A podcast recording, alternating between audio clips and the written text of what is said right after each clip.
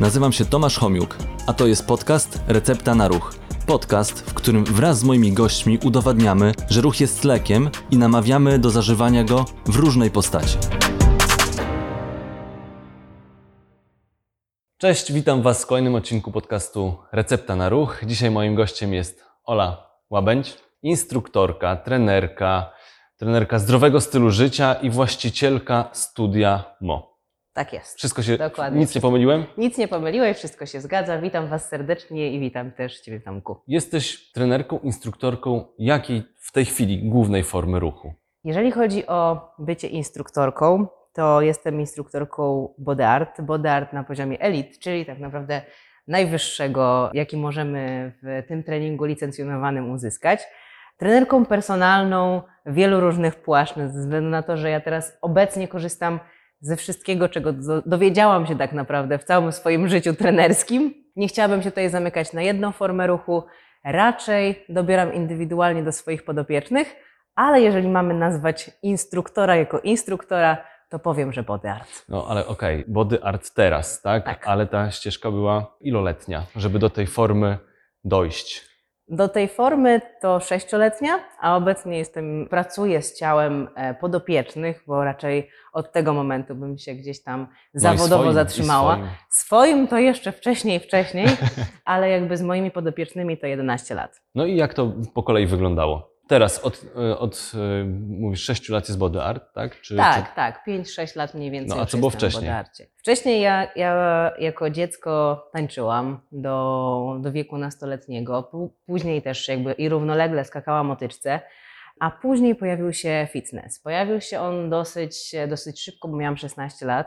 Nie bez kozery, ze względu na to, że zrezygnowałam z tańca i skoku o tyczce, ponieważ byłam w bardzo silnych zaburzeniach odżywiania i też powiedziałam, zapytałam się Tomka, czy to jest moment na to, żeby o tym wspomnieć, ale jak najbardziej, bo uważam, że dzięki temu poszłam dalej i znalazłam się w tym miejscu, w którym jestem i dlatego też pracuję z ciałem swoich podopiecznych, więc e, o tym wspominam. Pojechałam na pierwsze zajęcia fitness z paniami, które były koło 40. Tak. Dla mnie wtedy w ogóle, wiecie, 16-latka z 40-latkami, no gdzie? Aha. Ale było cudownie, bo to była super energia kobiet, które ojej, przyszła Ola, ona ma tyle energii i w ogóle tak się wspaniale rusza. No to było coś, co gdzieś tam e, mi pomagało wyjść e, z e, gdzieś tam z tych moich niekoniecznie fajnych momentów. Więc tak też poznałam swojego pierwszego trenera, swojego pierwszego mentora, można powiedzieć nawet nie tyle, że trenera, Radka, potem Monikę, która mnie prowadziła też fitnessowo. Dużo się od nich uczyłam. Gdzieś tam jedna droga mi zaaplikowała to, że od Moniki dostałam troszeczkę takiego mentalnego podejścia, a od Radka wojskowy, więc trening, to się dzieje tak. Więc e, tak się zaczynało. Później, jak mam taki gdzieś tam dalej strukturalnie, to zaczęłam się szkolić po prostu. Chodziłam na różnego rodzaju szkolenia, czy to TRX-y, czy to, czy to właśnie za chwilę opowiem o ketlach, czy to cokolwiek innego. Ten fitness był taki dla mnie, dobra, idę, robię, tu step, tu potem ABT, TBC i te wszystkie klasyczne Tak, formy tak, tak. ruchu fitnessowe. Później pojawiło się stricte sylwetkowe podejście, no bo gdzieś tam to radzenie sobie z cały czas ta sylwetka, sylwetka, sylwetka. Ja też kiedyś byłam w, w tym nurcie, gdzie sylwetka była numerem jeden, a nie do końca chodziło o tą sprawność. Zresztą jakby nie oszukujmy się, dziewczyna, która ma sprawne ciało, no nie szuka dalej tej sprawności, nie myśli o tym. Tak. Dopiero to przychodzi z czasem. No więc y, szłam sobie dalej w, różnego rodzaju szkolenia, jak to sobie pomóc, żeby coraz lepiej wyglądać. Pojawił się trening sylwetkowy. No moje silne zaburzenia gdzieś tam wpłynęły na to, że zdrowie mi się posypało, więc tej sylwetki osiągnąć nie mogłam. Wszystko szło w drugą stronę. Wszystkiego było za dużo wtedy. Ja też pracowałam z podopiecznymi, prowadziłam zajęcia, tego wszystkiego było bardzo, bardzo dużo. Następnym krokiem gdzieś tam w mojej karierze zawodowej były ketle, podnoszenie ciężarów wytrzymałościowo-siłowych, czyli kettlebell lifting, gdzie w 3 lata zdążyłam zdobyć Mistrzostwo Świata, jakby pójść dalej, udowodnić sobie, że jest to sportowy efekt, crossfit, a potem bodart. O, to taki fajny Także przeskok. mamy, mamy dokładnie tak. Ale w to znaczy- też startowałam. To, to znaczy, że bardzo dużo form poznałaś. W pewnym momencie stwierdziłaś, że ten body art jest naj, najbardziej pasujący, tak? Czy, czy co, co, co spowodowało, że spośród tych wielu różnych, których się nauczyłaś, które sama doświadczyłaś, z których prowadziłaś swoich podopiecznych, tymi różnymi formami, które poznałaś, których się nauczyłaś, to w tej chwili coś jeszcze łączysz, czy jesteś stricte w body art, który jest, tak jak Mhm. powiedziałaś, już licencjonowaną formą? Tak, jak najbardziej. Odpowiadając na Twoje pytanie, czy łączę, łączę do tej pory, ze względu na to, że uważam, że każda forma ruchu prowadziła bardzo dużo w moje życie.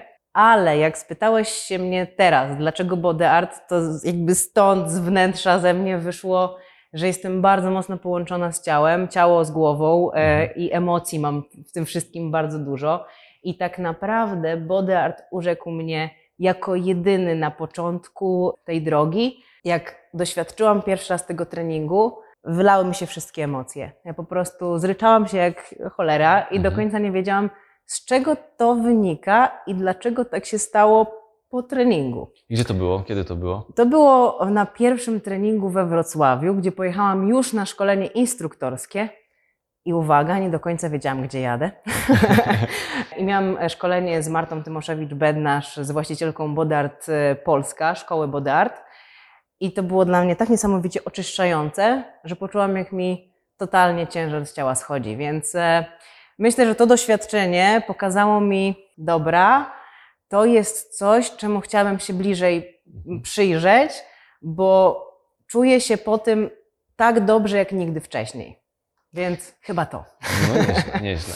E, To mm, czym jest body art? Tak z Twojego Tak, doświadczenia i w ogóle, czy, czy w ogóle, e, czym jest body art, tak jak się to opisuje? Tak jak powiedziałeś, jest to licencjonowana forma ruchu, Tak, e, jak więc najbardziej. jakieś tam reguły panują. Jaka jest definicja? Definicja, jakby sobie tak wejść w, na szkołę Body Art Polska, to przeczytamy, że jest to trening inspirowany jogą, oparty na ćwiczeniach fizjoterapeutycznych i terapeutycznych. Taką pierwszą formułkę bym tutaj wrzuciła w takim wydaniu. Połączenie podejścia zachodniego z wschodnim. Dla Mhm. mnie to jest tym, ze względu na to, że bardzo dużo rzeczy jest z medycyny chińskiej, z Mhm. podejścia żywiołów, z tego, tego połączenia body and mind, Tak. jakby nie patrzeć, z podejściem zachodnim, czyli Mhm. z pracą naukową e, różnych trenerów z treningu funkcjonalnego, który wykorzystujemy jako trenerzy klasycznie, teraz trenerzy czy nawet fizjoterapeuci w naszych treningach po prostu z podopiecznymi. Więc to jest coś, co w tym momencie daje balans pomiędzy tą strukturą pracy i tą, tym, że pracujemy sobie wzmacniając, mobilizując i byciem, jesteśmy sprawnymi ludźmi, Mhm. z tym połączeniem, ok, mamy coś jeszcze więcej w środku, ale pozbędziemy się wszystkich dogmatów, nie mamy tutaj wiary, Tak. e, na przykład jak w jodze, dlatego jest inspiracja jogą, a nie czysto połączenie z jogą.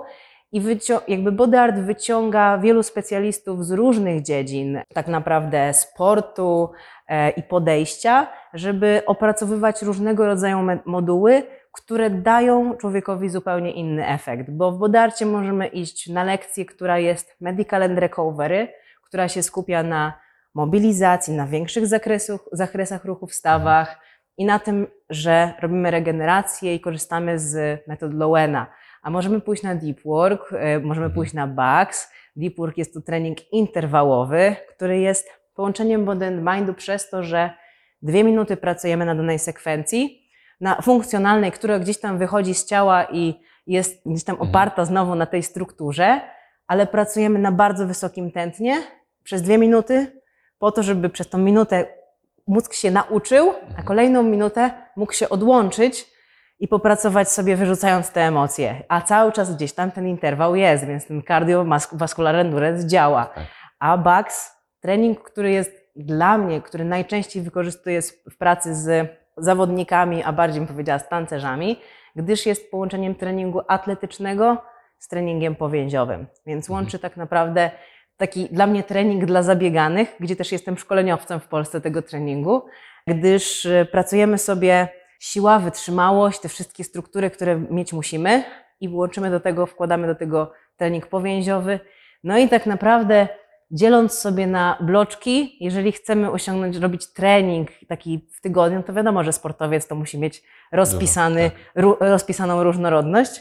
Tu mamy trochę combo w jednej Mhm. godzinie, więc no, zależy, co chcemy uzyskać, tam idziemy. Okej, czyli zależy od, od celu tak naprawdę. Tak, dokładnie. Zależy, tak. Mówię, taka, tak, taka, takie spektrum tak naprawdę specjalistów y, pracuje nad tymi treningami, nad tymi modułami, żebyśmy my jako trenerzy mogli dawać gotowy produkt naszym podopiecznym, no i sobie rotować tak naprawdę ćwiczeniami w ramach tego, co chcemy uzyskać na danych zajęciach. Są moduły, są, znaczy są e, różnego rodzaju treningi w ramach, e, treningi w ramach body artu. Ile czasu trwa na, nauka, żeby zostać instruktorem? Żeby zostać instruktorem level 1 są to, pewno są trzy zjazdy, bodajże po trzy dni, jakoś tak, tak mi się wydaje. Tak, I już teraz to nie pamiętam, nie chcę teraz powiedzieć 100%, żeby zaraz tam nie, nie, nie, nie było, że, że coś po, pomieszałam, ale, ale na pewno mamy trzy pełne dni i widzimy się na dwóch albo trzech dodatkowych jeszcze zjazdach, Mhm. nie? więc e, mniej więcej tak. Wspomniałeś, że To pracujesz... jest level 1, to jest Le- bardzo no istotne, tak, a- to jest podstawa. A ile jest? Teraz to dużo. Powiem tak, jest no dobra, bardzo jak ktoś dużo. będzie chciał się dowiedzieć, tak, to tak, sobie tak, jest wygoogla. bardzo dużo. To nie jest tak, że mamy tutaj, nie wiem, cztery, e, cztery totalne moduły dalej, ale Mhm. jakby są mniej, podstawowe. to się cały czas rozwija, tak, dodawane czas się jest rozwija, i tak dalej, tak jak w różnych, w różnych innych tak, formach. Dokładnie tak. Olu, e, powiedziałeś, że pracujesz tancerzami, pracujesz zawodnikami. Z kim jeszcze pracujesz i jak ta praca wygląda? Pracuję tak naprawdę ze wszystkimi możliwymi ludźmi, którzy Chcą. chcą. Dokładnie. To jest pierwsza sprawa. Powiem tak, mam na ten moment jest 50-50. Pracuję z kobietami i mężczyznami, którzy głównie siedzą za biurkiem. Ja moich podopiecznych definiuję tak, że są to ludzie, którzy chcą od życia więcej, którzy osiągają bardzo duże sukcesy zawodowe, chcą się rozwijać, bo to jest, e, bo to jest bardziej o tym, jakich ja ludzi do siebie przyciągam. To nie Mhm. jest tacy, którzy chcą, tylko ja, takich, jak do siebie przyciągnę. Więc ja takich ludzi do siebie chcę przyciągać, więc tacy, tacy przychodzą, osiągają dużo, chcą się rozwijać i zawodowo, i prywatnie na wielu różnych płaszczyznach, ale bardzo dużo siedzą i potrzebują ruchu, który będzie dopasowany w stu- w 100% do nich, a dzięki temu będą mieli równowagę. I Mhm. też poznają trochę tajników, jak tą równowagę uzyskać. I z drugiej strony mam tancerzy. I tancerzy dzielę na tancerzy profesjonalnych zawodowców, czyli mówię o nich zawodnicy, ze względu na to, że dla mnie to jest już osoba, która z tego zawodu się utrzymuje, chce być profesjonalna w 100% w tym, co robi, chce się rozwijać w tym, co robi i też dla nich robię wszystko to, co jest dla nich niezbędne w tańcu, a tańcem nie jest, więc y, to jest to, co ja z nimi robię, oraz tancerzy pasjonaci, bo tutaj również pracuję sobie na takiej płaszczyźnie, że okej, chcemy, pracujemy sobie, tańczymy, chodzimy na zajęcia grupowe, Mhm. rozwijamy się w tym, no ale jednak zdajemy sobie sprawę, że ten trening fizyczny jest potrzebny, żeby w ogóle, nie wiem, czy sylwetkę utrzymać, czy być e, troszeczkę, pokonać pewne gdzieś tam ograniczenia, które w tym ciele się pojawiają, więc to jest takie, tak, taka spe, ta, takie spektrum podopiecznych, którzy ze mną pracują. Dobrze, to jeszcze ja rozumiem, że z każdym pracuje się trochę inaczej, no ale body art, poza tym, że ma te różne rodzaje swoje, tak, o których wspomniałaś, jak wygląda taka typowa jednostka, nie wiem, treningowa, jakby to, czy to nazwać jednostką treningową, czy, czy w ogóle jak wygląda taka pojedyncza sesja? I teraz pytanie, czy mówimy o już body arcie jako body arcie, czy mówimy o treningu personalnym, który prowadzę? Nie, mówimy o body arcie. Okej. Body arcie, albo do treningu personalnym za chwilę. Tak, bo jakby właśnie w body art jest tak, że wszystko zależy od tego, tak jak Ci mówiłam, odnośnie modułu Ce- ce- I celu. i tak. celu, który mamy na daną, daną jednostkę, daną grupę. Ja osobiście, jak już mam grupę osób, nie, raczej, nie mówię o treningu personalnym, tylko mówię o grupie, bo body art jest kierowany gdzieś tam do zajęć grupowych, można pracować z nim na treningach personalnych, ale dedykowany jest głównie, głównie do zajęć grupowych jako bycie Mhm. instruktorem. Żeby to było też głośno powiedziane. I ja mam tak już w tym momencie, że patrzę, z czym przychodzą ludzie. Jest to wieczór i potrzebują już totalnego odprężenia i zrelaksowania, i widzę, że ich ciała do mnie krzyczą: Ola, pomóż, bo było ciężko w robocie. Aha. To mówię, dobrze, to sobie pracujemy wolniej, spokojniej, mobilizujemy, otwieramy te zakresy i robimy, wypuszczamy powietrze, dobrze, jest ok, na koniec dnia miło, przyjemnie w tym ciele jest. Ale na przykład dzisiejsze zajęcia, które no widzę, przychodzą ludzie wyspani, jest niedziela, godzina 10, widzę, że mogę zrobić coś więcej, widzę, że może się ten trochę pot po czole polać, więc spokojnie korzystam z tego, że i pompki będą, Tak. tak, i trochę będą w te sekwencje wplecione pompeczki i troszeczkę tego tętna pójdzie do góry i też zmobilizujemy ciało. Ja uważam, że ciało powinno się generalnie rozwijać na wielu różnych płaszczyznach, więc staram się wyciągać to, co mogę i, i na ile to ciało podopiecznych mi pozwala, żebym mogła im tam dołożyć i dobudować tę cegiełkę do ich sprawności. Więc jakby tak podsumowując to, co, o co pytałeś, jak wygląda taki trening, powiedziałabym o, bardziej o sekwencjach, że to nie jest tak jak w treningu personalnym, dobra, to mamy sobie przysiad i Mhm. będziemy teraz budować go na 12 powtórzeniach, czy nie wiem, 5, 8, jak mamy w programowaniu treningowym, tylko działamy sobie sekwencja po sekwencji, która Mhm. jedna wynika z drugiej. To wszystko płynie, ten cały trening płynie, prawie jakbyśmy trochę tańczyli. No właśnie, to jest body art. No to, art no to sztuka. No i nie Czy mogę się są- z tym nie zgodzić. Czy to, to jest, rozumiem, jakaś taka choreografia, tak żeby sobie,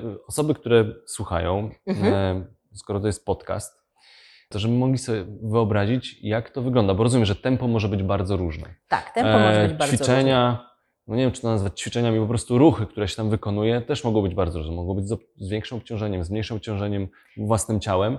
różne. Z ciałem, z własnym ciałem, tak, z bo własnym ciałem, jest tylko tak. z własnym ciałem, E, dokładnie. Ale czy to właśnie jest taka, przypomina taniec, przypomina, nie wiem, tutaj był, był gość, który prowadzi zajęcia Animal Flow. Tam też jest Mhm. jakaś określona choreografia nawiązująca do, do określonych zwierząt, tak? Mhm. Jak jest w body arcie? W body art mamy nie tyle choreografię, a ćwiczenia, które są oparte na danych sekwencjach.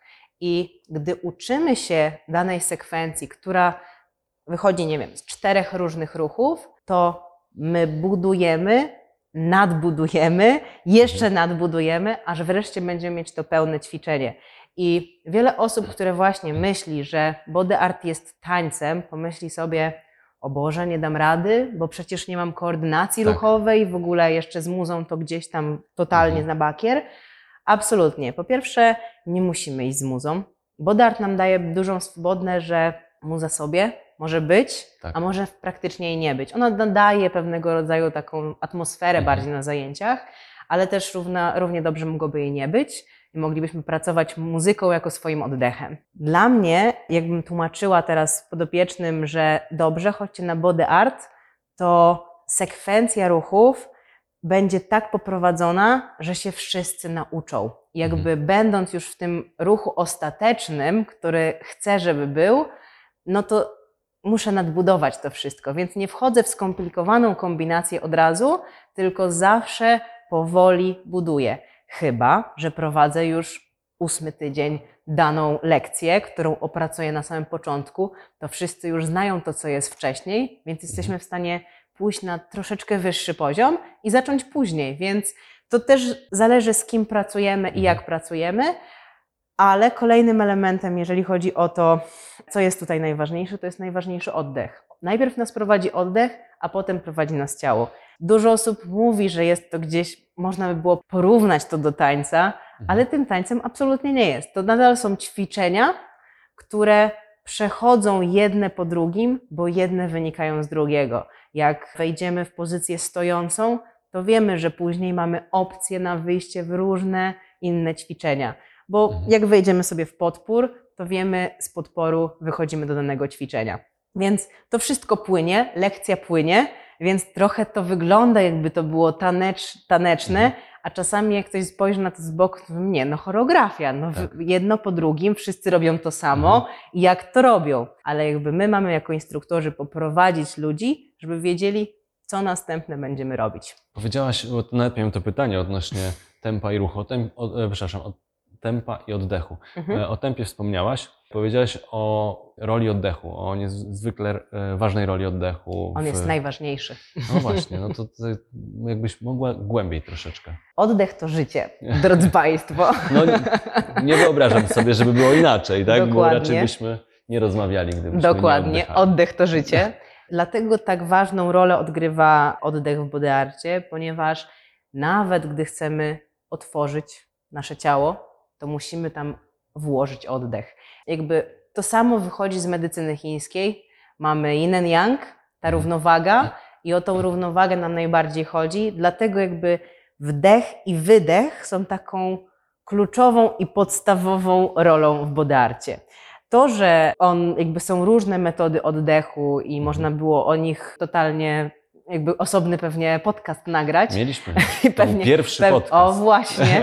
No więc e, dlatego jest to najważniejszy element, bo wszystko zaczyna się od oddechu, a potem możemy sobie mówić o ruchu. Bo jeżeli my się zaciśniemy w oddechu, to nie mówmy w ogóle o tym, że my zwiększymy zakres ruchu, bo nie ma takiej opcji. Ciało potrzebuje oddechu, żeby złapać przestrzeń, ale potrzebuje też oddechu po to, żeby nawet zacisnąć ciało, chociażby ściągnąć. Praca izometryczna musi być również w odpowiednim oddechu. Więc dlatego ten, ten oddech jest tak mocno wyciągnięty na pierwszy plan. Czyli o, o, mm, jakby wracając jeszcze o- na tym oddechu się zatrzymując, to jeśli wykonuje się określone ćwiczenie czy sekwencje, to też nauczasz, jak dokładnie ten oddech ma być wtedy prowadzony? Tak, dokładnie. Mhm. Jakby wszystko w bodarcie ma swój sens i logikę.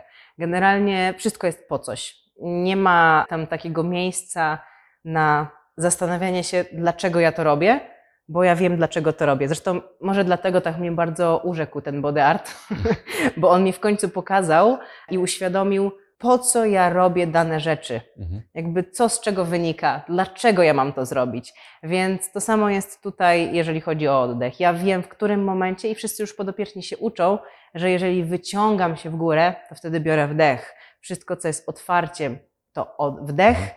jak zamknięcie, to wydech. Więc samo wynika już nawet z ćwiczenia. Jasne. Jak bierzemy się za jakiekolwiek ćwiczenie, to wiemy, co mamy zrobić. Dobrze, Olu, powiedziałaś o tych takich grupowych zajęciach. Miałaś jeszcze powiedzieć, jak wygląda trening personalny, który prowadzisz. Trening personalny jest takim zbiorem całego mojego doświadczenia, które, które mam zawodowe i korzystam ze wszystkiego, czego się nauczyłam. Korzystam z bodartu. Jeżeli głównie może tak, wyciągam bodart wtedy, kiedy widzę, że jest potrzeba zwiększyć zakresy ruchu, kiedy mam ochotę popracować Z tylko. oddechem. Tak, z oddechem. Ko- kolejna sprawa. Mam ochotę popracować tylko i wyłącznie z obciążeniem własnego ciała, nie używając żadnych dodatkowych obciążeń. E, rozwinąć dodatkowo swoich podopiecznych i pokazać im różne inne dodatkowe Mhm. ćwiczenia, albo na przykład popracować powięziowo. I używam też e, bodartu wtedy, kiedy chcę podopiecznych zrelaksować, na koniec sesji na przykład. Albo popracować z nimi stricte sesją oddechową. Widzę, że Mhm. jest totalnie, totalnie brak możliwości na to, żeby popracować z kimś siłowo. Mhm. Zabieram się za body art. Jak ja e, podchodzę w ogóle do treningu personalnego? Większość ludzi, którzy przychodzą e, na trening, po prostu potrzebuje być troszeczkę bardziej sprawnymi, o tak bym powiedziała, a za tą sprawnością stoi najczęściej brak siły, brak Mhm. jakiejkolwiek wytrzymałości, wszystko pozamykane, zamknięte klatki, ta postawa musi się po, troszeczkę poprawić. Więc jak już mówię o takiej strukturze pracy, to zaczynam rozgrzewką, dużo pracuję z rolką, bo to jednak Mhm. jest coś, co ludziom jest potrzebne. Potrzebują troszeczkę się tam rozluźnić na start. Pracuję mobilizacyjnie, jakby daną rozgrzewką. Tutaj wiele ruchów z body artu Mhm. platam, ale wyciągam to, czego potrzebuję do danego podopiecznego. Pracuję później aktywacyjne. Aktywacyjnie tutaj również pracuję, wyciągając rzeczy z body artu, ale nie tylko, bo też wyciągając rzeczy już z klasycznego treningu funkcjonalnego, pracę z obciążeniem lekkim lub raczej gumami oporowymi, żeby tych ludzi zaktywować, żeby nauczyć ich tego, że mają ruszyć to, co mają pomiędzy uszami i jakby popracować z tym ciałem, żeby to połączenie zrobić, żeby te nowe połączenia wybudować, wyklarować. Potem ich uczę danych wzorców ruchowych, bo uważam, że gdzieś tam na wzorcach ruchowych bardzo pr- warto pracować. Tam przysiad, martwy ciąg, czy pompka, czy podciąganie i tak dalej. Te wszystkie rzeczy, które jakby wiemy, że trzeba przełożyć już w trening.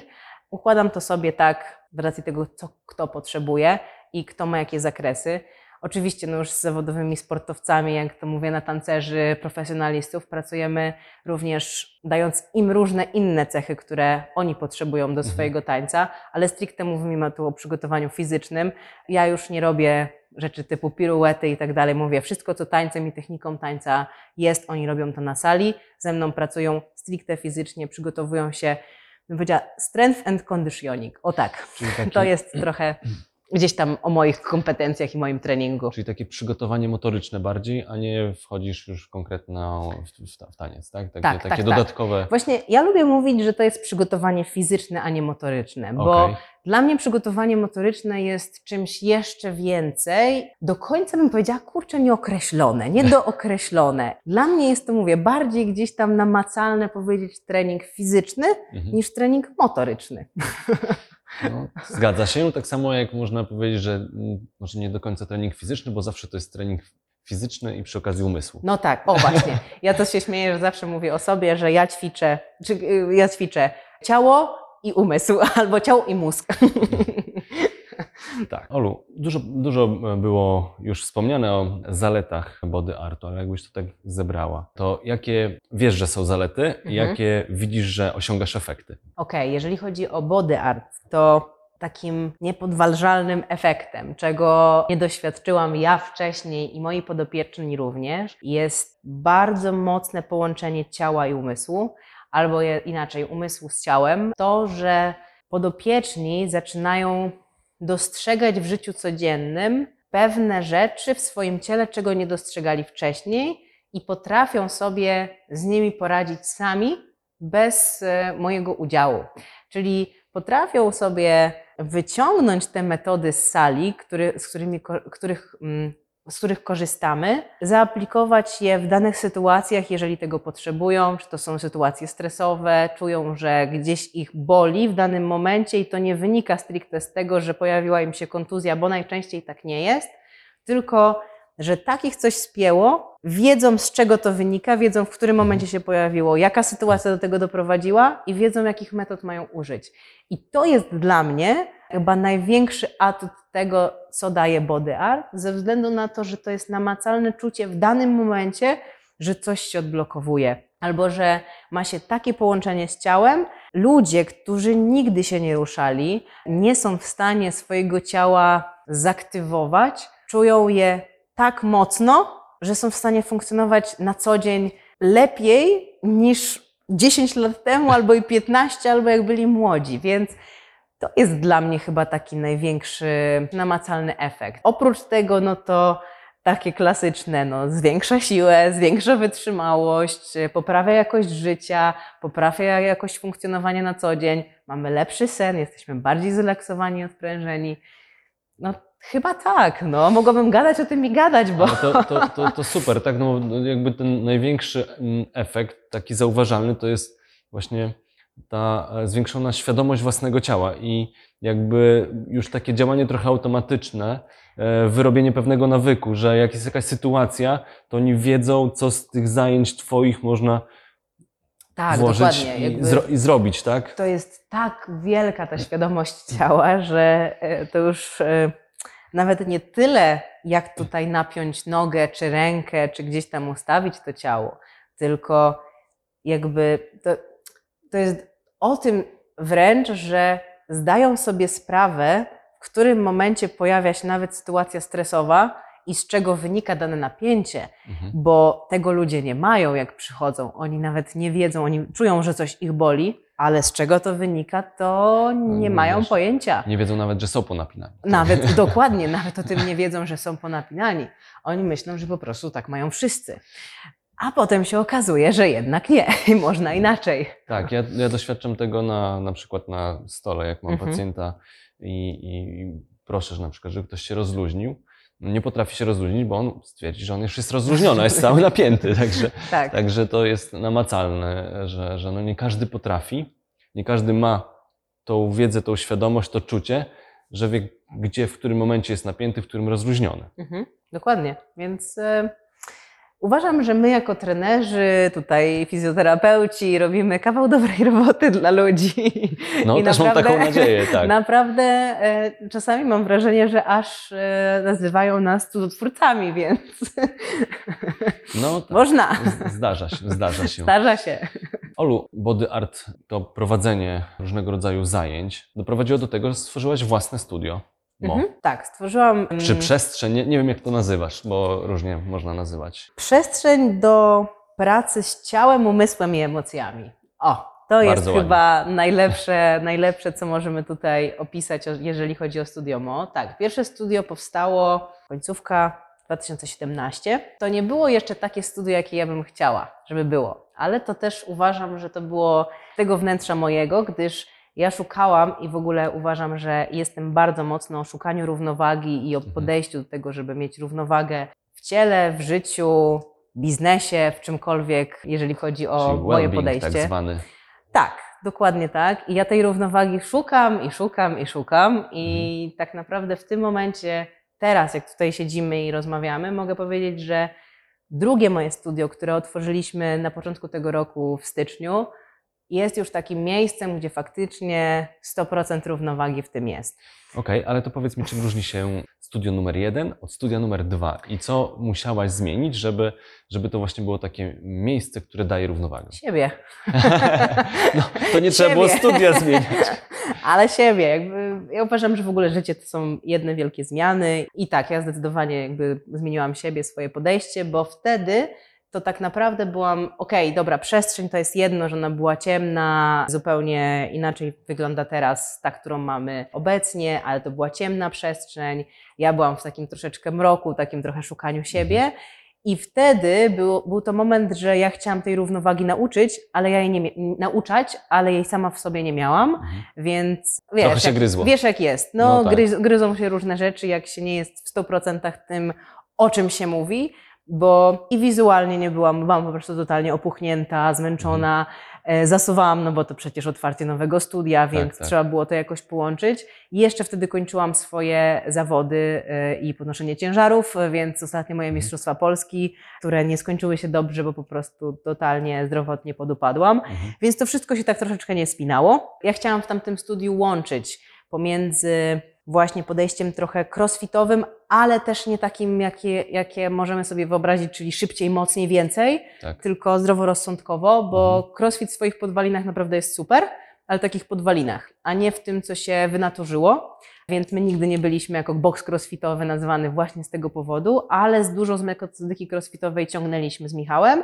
Z drugiej strony ja zapraszam ludzi na body art, na salę, żeby to Mhm. była cały czas równowaga o tym, że możemy ćwiczyć troszeczkę mocniej, żeby mieć efekty. Tak. I z drugiej strony ci, którzy tam chodzili na te mocne zajęcia, niech popracują sobie trochę z połączeniem właśnie ciała, umysłu, żeby jednak tą, tej rozluźnienia mobilizacji, rozluźnienia. mieli, tak.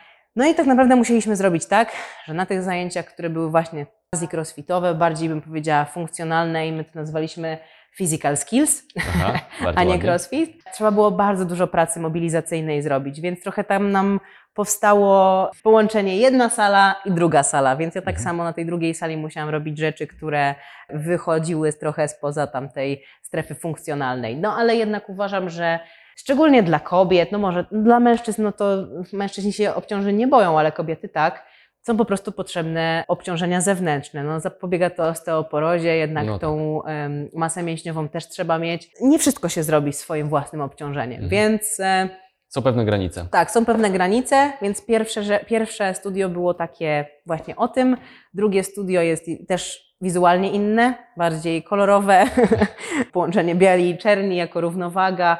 Ja już jestem w stuprocentowej równowadze, takiej się czuję i takiej też na poziomie dziennym mam, więc to też no już się nie gryzie po prostu. Jeszcze do, do, do studia, tak? No bo jest tam równowaga. To rozumiem, że dużo osób korzysta z zajęć i tych takich bardziej e, funkcjonalnych i body artu jakby w ciągu tygodnia? Powiedzmy, gdyby sobie tam ułożyć tydzień, no to korzystają i z tego i z tego, czy raczej przychodzą na jedne zajęcia, Mm. e, są grupy na, tylko na te zajęcia i grupy na te zajęcia? My już teraz podeszliśmy jakby trochę po pandemii i jakby patrząc na to, że trochę rynek się zmieniał, wychodziliśmy już nawet w starym studio bardziej z treningów grupowych na treningi personalne. Aha. Powstała nam kadra trenerska i w tym momencie głównie mamy treningi personalne. I jakby kadrę trenerską też mamy taką, która rozumie naszą filozofię i nasze podejście. I Michał e, też pracuje w takim wydaniu, że dla niego najważniejsza jest sprawność, więc no cały czas pracujemy, może tak, 99,9% mamy treningów personalnych i ja mam swoją grupę moich tutaj zapaleńców, które nadal przychodzą Mhm. do mnie na zajęcia. E, Jest, jestem sobie na dużej sali wynajętej obok ze szkoły tańca, w którą jesteśmy zaprzyjaźnieni, bo jesteśmy drzwi w drzwi, więc mam swoją przestrzeń do pracy i mogę pracować zajęciami grupowymi. No, więc mnie tak trochę przymusili do tego, żebym to robiła, ale jak najbardziej uwielbiam to robić, bo praca z grupą to ma swoją energię i swoją, swoją niezastąpioną energię, bym tak powiedziała. Dlatego nie mamy aż tak dużo zajęć grupowych. To są dwie Mhm. godziny w tygodniu i to jest tyle, a reszta to treningi personalne. No to fajnie, czyli wykształciliście sobie własną kadrę, tak można powiedzieć, tak? No, wy, wybraliśmy bardziej. Wybraliście, Jakby może i dwie s- osoby I są. sprzedaliście im swoją filozofię, rozumiem, tak? Tak, no i jakby powiem, jedna nasza trenerka jest taka 100%, 100%, 100% wychodząca spod naszych skrzydeł i gdzieś tam ukierunkowana e, przez nas, oczywiście ze swoim tam też podejściem, Mhm. jak, to, jak, jak to zrobić, ale tak, jakby jest totalnie, e, pracuje jak my i czasami jak patrzę na nią, to mówię, kurczę, chyba czasami to nawet e, uczenie mistrza przerósł. No. Nie, no jakby po prostu dużo pracy jest takiej stricte strukturalnej. Zresztą Mhm. ja się różnię od całej mojej kadry trenerskiej, którą mam w studiu tym, że ja dużo pracuję serduchem e, Mhm. i tym, co widzę i tym, co czuję. Jakby nie, nie tylko dla mnie jest kwestia struktury ważna i pracy takiej właśnie, mówię, no, strukturalnej, takiej ułożonej, zaplanowany trening, zaprogramowany trening, tylko dla mnie ważny jest bardzo mocno drugi człowiek, który stoi przede mną i to, co Szymon dzisiaj przychodzi. przychodzi. Mhm. I ja po prostu wiem, że czuję więcej i widzę Masz więcej. intuicję. No, taką aż czasami za dużą. no. Olu, mam od Ciebie ostatnie pytanie, takie, które z reguły jest ostatnim pytaniem, czyli jaka jest Twoja recepta na ruch? Mm, moja recepta na ruch to jest równowaga i połączeniu, em, po pierwsze, że nie dać się zwariować i nie uderzać stricte, muszę się po prostu katować codziennie i nie wiadomo co robić, tylko z głową podchodzić do tego, jak się czuję i jakie rzeczy wybieram, które zbliżają mnie do mojego celu. I dla mnie receptą na ruch jest bycie sprawnym człowiekiem i tym, by wybierać rzeczy, które zbliżą mnie do tego, bym mając lat 80 mogła sobie spokojnie zawiązać buty, bardziej zrobić szpagat mając lat 80, jakbym powiedziała, jeżeli chodzi o moje cele i być zawsze sprawna, szczęśliwa i zadowolona ze wszystkiego, co się dzieje dookoła. I to, że ja wybieram również spontaniczną aktywność, to, że chciałabym, żeby wszyscy chodzili na nogach, bo tego się nie robi, więc to też jest gdzieś tam mo- mo- moja, bym powiedziała, recepta na ruch. Czyli jakby zamykając to klamrą, po pierwsze spontaniczna aktywność, im więcej jej, tym lepiej. Chodźmy dużo, to jest raz. I dwa, wybierajmy taką aktywność, która po pierwsze sprawia nam przyjemność, a po drugie upewnijmy się, że na pewno przybliży nas do celu Zdrowia. i do Zdrowia. zdrowia. Nie wszystko, takie, nie wszystko takie jest. Różni się mocno trening chociażby na siłowni, sylwetkowy od treningu, który przybliża nas do sprawności. Jeżeli zależy nam na sprawności, to na pewno upewnijmy się na, jakby w tym, czy trener, do którego idziemy, na pewno sprawnościowo pracuje. musimy, to, musimy mieć to na uwadze, bo jeżeli nie, no to potem możemy mieć jakby dużo um, Efektów ubocznych. efektów ubocznych. Tak. O, idealnie powiedziane, więc to chyba najważniejsze. No widzisz, i to jest chyba ten moment, który Kiedy musimy trzeba kończyć, gdzie nam się kończyć. scenografia rozpada. Dokładnie. Także ja sobie przytrzymam spokojnie. Olu, dziękuję Ci bardzo. Dziękuję Ci Tomku również. E, a Wam przypominam, Recepta na Ruch, podcast, który pojawia się co środę o godzinie 12, także zapraszam do oglądania, do oceniania. Jakakolwiek aktywność jest ważna, żeby ten podcast po prostu Szedł był- w świat. szedł w świat, w świat i więcej osób go zobaczyło. Także dziękuję bardzo i do zobaczenia. A ja trzymam scenografię jeszcze chwilkę. Dziękuję Wam również za uwagę.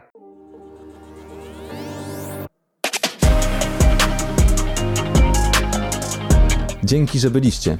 Mam nadzieję, że zostaniecie tutaj na dłużej. Jeżeli chcecie być na bieżąco, zasubskrybujcie kanał Recepta na Ruch.